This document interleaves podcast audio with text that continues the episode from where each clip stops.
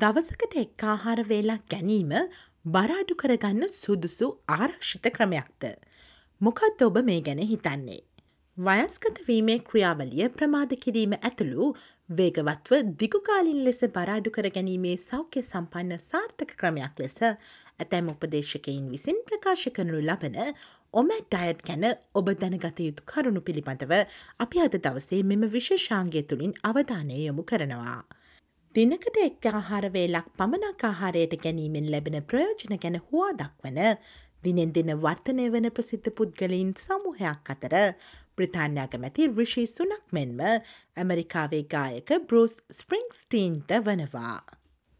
මෙහි ප්‍රතිඵලයක් වශයෙන් දිනකට එක් ආහාර වේලක් එනම් වන්මීල් අඩේ ඔමැට් ආහාර රටාව යනු බරාඩු කර ගැනීමෙන් නවතම ප්‍රවණතාව වී තිබෙනවා. බොහෝ බර අඩු කිරීමේ වැඩසටහන් මෙන් ඔම ඩයත් යන මෙම ක්‍රමයද ලොකු විශ්වාසයක් ඇති කරවන අන්දමේ පොරොන්තු ලබා දෙනවා. දිනකට එක් ආහාර වේලක් ගැනීම හෙවත් ඔම ඩයත් ගැන ඔබ දැනගත යුතු දේ සහ බරාඩු කර ගැනීම යනුවෙන් ඉන්න අදහස් කරන්නේ කුමක්ද යන්න දැන් අපි විමසා බලමු. මූලික වශයෙන් ඔමැට් අයත් යනු ඉන්ටමිටන් ෆාස්ටිං හෙවත් යම් තෝරාගත් කාලරාමුවක් තුළ නිරාහාරව සිටීමේ ක්‍රමයක් වනවා. මෙම ක්‍රමයේදී ඔබ පැය විසිතුනක් නිරාහාරව සිටින අතර පැයක් ඇතුළත ආහාරයට ගන්නා එක් ආහාරවේලකින් ඔබේ දෛනික කැලලිසියල්ල පරිභෝජනය කරනු ලබනවා. ඔමැට් අයත් හි නීති සරල සහ අනුගමනය කිරීමට පහසු ලෙස ඉදිරිපත් කර තිබෙනවා. මෙහිදී සම්මත කෑම පිඟානක බෙදාගතයුතු ප්‍රමාණයේ ඔබට අවශ්‍ය ඕනෑම දෙයක් අනුභව කළ හැකි වනවා.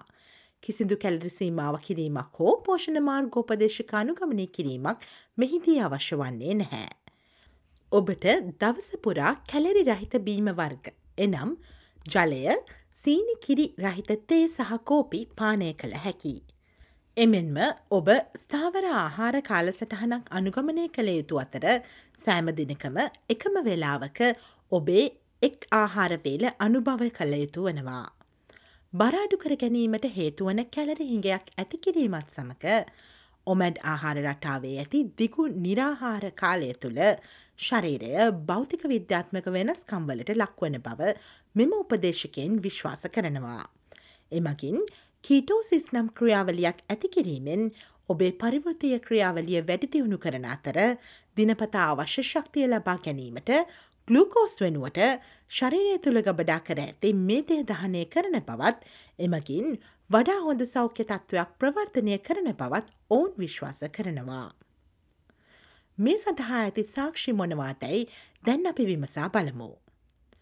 අවාසනාවකට මෙන් ඔමැට් ඩයට් පිළිබඳව සිදුකර ඇත්තේ පර්යේෂණ සීමිත ගණනක් පමණයි. මේ සම්බන්ධව ඇති බොහෝ පර්යේෂණ මකින් සතුන් කෙරෙහි එහි ඇති බලපෑම පරීක්ෂා කර ඇති අතර මිනිසුන් සමඟ කරන ලද මූලික අධ්‍යයනයට කෙට්ටු තරුණයින් එකොළොස් දෙනෙකු පමණක් ඔමට ආහාරවේල අනුගමනය කරමින් දින එකොළහක් පුරා සිදු කරන ලද පරීක්ෂණයක් පමණක් ඇතුළත් වනවා. ඔමැඩ් අයත් පිළිබඳව පල කරනු ලබන බොහෝ ප්‍රකාශයන් සාමාන්‍යයෙන් පදනම් වන්නේ ඔමැඩ් අයත් පිළිබඳව කරන ලද පර්යේෂණ මත නොවන අතර ඉන්ටමිටඩ් ප්‍රාස්ටෙන් ක්‍රමය මත සිදු කරන ලද පර්යේෂණ මතයි. බරාඩු කර ගැනීම සඳහා ඉන්ටමිටන් ෆාස්ටිං යන ක්‍රමයේ කාරක්ෂමතාව සනාත කරන සාක්ෂි තිබෙන නමුත් බොහෝ අධ්‍යයනයන් මගින් අවධානය යොමු කර ඇත්තේ එහි කෙටිකාලීන ප්‍රතිඵල කෙරෙහි පමණයි. එනම් මෙහිදී සැලකිල්ලට ගෙන ඇත්තේ සාමාන්‍යයෙන් සති දොළහක් හෝ ඊට අඩු කාලයක් තුළ ලබාගත් ප්‍රතිඵල පමණයි. දෙදහස් විසි දෙක වසරේ සිදු කළ එක් දිගුකාලීනාධ්‍යනයකදී ආම්බුලෙස තෝරාගත් තරපාරු රෝගීන් එකසිය තිස් නම දෙනෙකුට දිනපතා උදේ අටේ සිට සවස හතර දක්වා කාල සීමාව තුළ පමණක් කැලරි ප්‍රමාණය සීමා කළ ආහාර ගැනීමට හෝ මාස දොළහක් සඳහා දෛනික කැලරි සීමාවන් සහිත ආහාරවේල් ලබා ගැනීමට නියම කොට තිබෙනවා.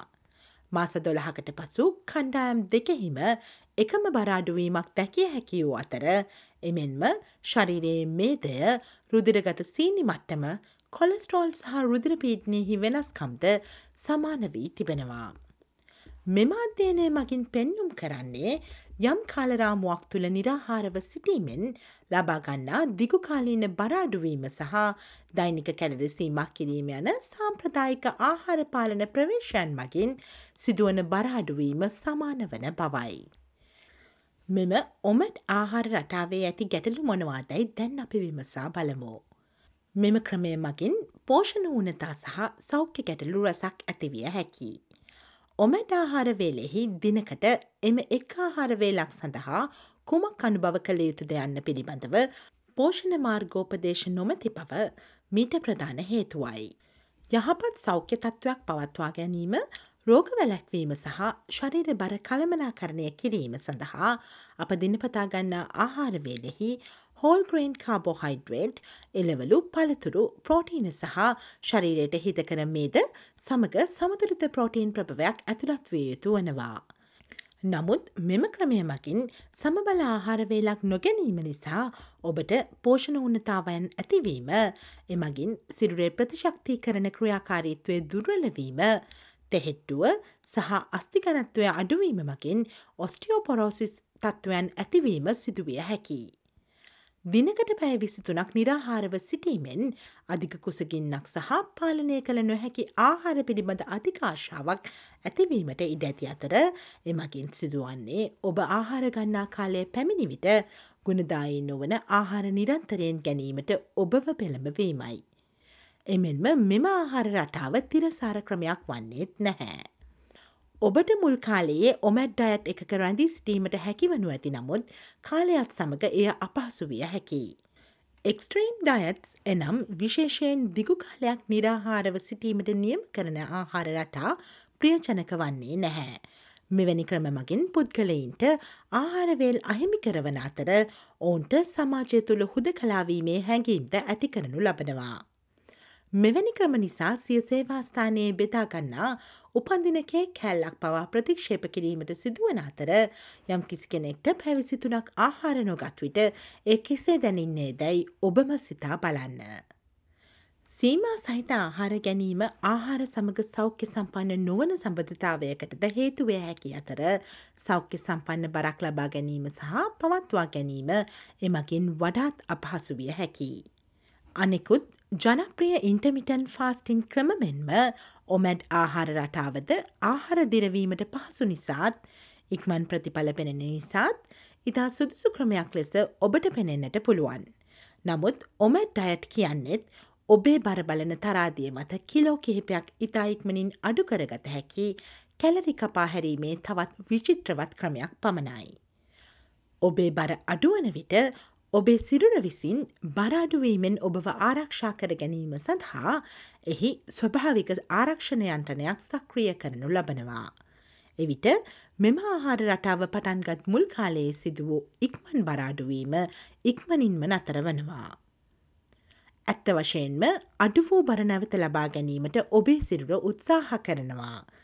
මිනිස්සිරුරේ ඇතිවන මෙම ප්‍රතිචාරය ආහරහිංග වූ කාලවලින් බෙරීමට අපගේ දඩෑමියුගේ මුතුන් මිත්තන්ගේ අවශ්‍යතාවයට අනුව මිනිසිරුරේ ඇති වූ ප්‍රතිචාරයක්. මෙනිසා බරාඩු කිරීමේ ඉක්මම් විසතුම් ගැලපෙන්නේ නැහැ. සිරුරේ බරාඩු කර ගැනීමට කොයි තරම් ලොකු අවශ්‍යතාවයක් තිබුණත් ඔන් මීල් අඩේ හෙවත් දිනකට එක් ආහාරවේලක් ලබා ගැනීමේ ඔමැට් අයට් තිරසාර ක්‍රමයක් වන්නේ නැහැ. එය ඊට පෙර පැවති බරාඩු කිරීමේ විවිධ වැඩසටහන් වලට වඩා හොඳ බරාඩු කිරීමේ ක්‍රමයක් වන්නේද නැහැ. මෙවැනි ආහාර රටාවකට යොමුවීම නිසා සිදුවන්නේ අපගේ ඉදිනිදා ආහාර රටාවට සුපුරුදු පැරණි ආහාර පුරුදු නැවත එක් වන විට අයිමියෝ බර නැවත ලබා ගැනීම සහතික කිරීම සඳහා සිරුරේ සිදුවන කායික වෙනස්කම් රසකට එරෙහිව සටන් කරන්නටද අපට සිදුවීම පමණයි. දිගුකාලීනව සහ සාර්ථකව බරාඩු කර ගැනීම සඳහා කළයුතු දේ ගැන අපි දැන් අවධානය යොමු කරමු. ඔබ ඔබේ ඉලක්ක කරගත් බර වෙත ළඟා වනතුරු ඔබට පවත්තා ගත හැකි ප්‍රමාණයකට බරාඩු කරගෙන එම බර කළමනාකරණය කර ගනිමින් පියවරෙන් පියවර බරාඩු කිරීම පිළිබඳව අවධානය දිය යුතු වනවා. බරාඩු කර ගැනීමේ කාල පරිච්චේදයකට පසුව බර නඩත්තු කිරීමේ කාල පරිච්චේදයක් යනාදී ලෙස ඔබේ ඉලක්කය පැමිණෙනතුරු මෙය සිදු කළ යුතු වනවා. වඩාත්ම වැදගත් වන්නේ ඔබ ජීවිත කාලය පුරාම පවතින පුරුදු ඇති කර ගැනීම සඳහා ඔබේ ජීවන රටාව ක්‍රමාණුකූලව පියවරෙන් පියවර වෙනස් කර ගැනීමයි. ඔස්ට්‍රලියාවේ කාලින්නව වැදගත් නවතම තොරතුරු දැන ගැනීමට SBS.com.au ෆෝවඩ්/ සිංහල යනාපගේ වෙබ් අඩවියට පිවිසන්න. SBS SBS SBS SBS SBS SBS Radio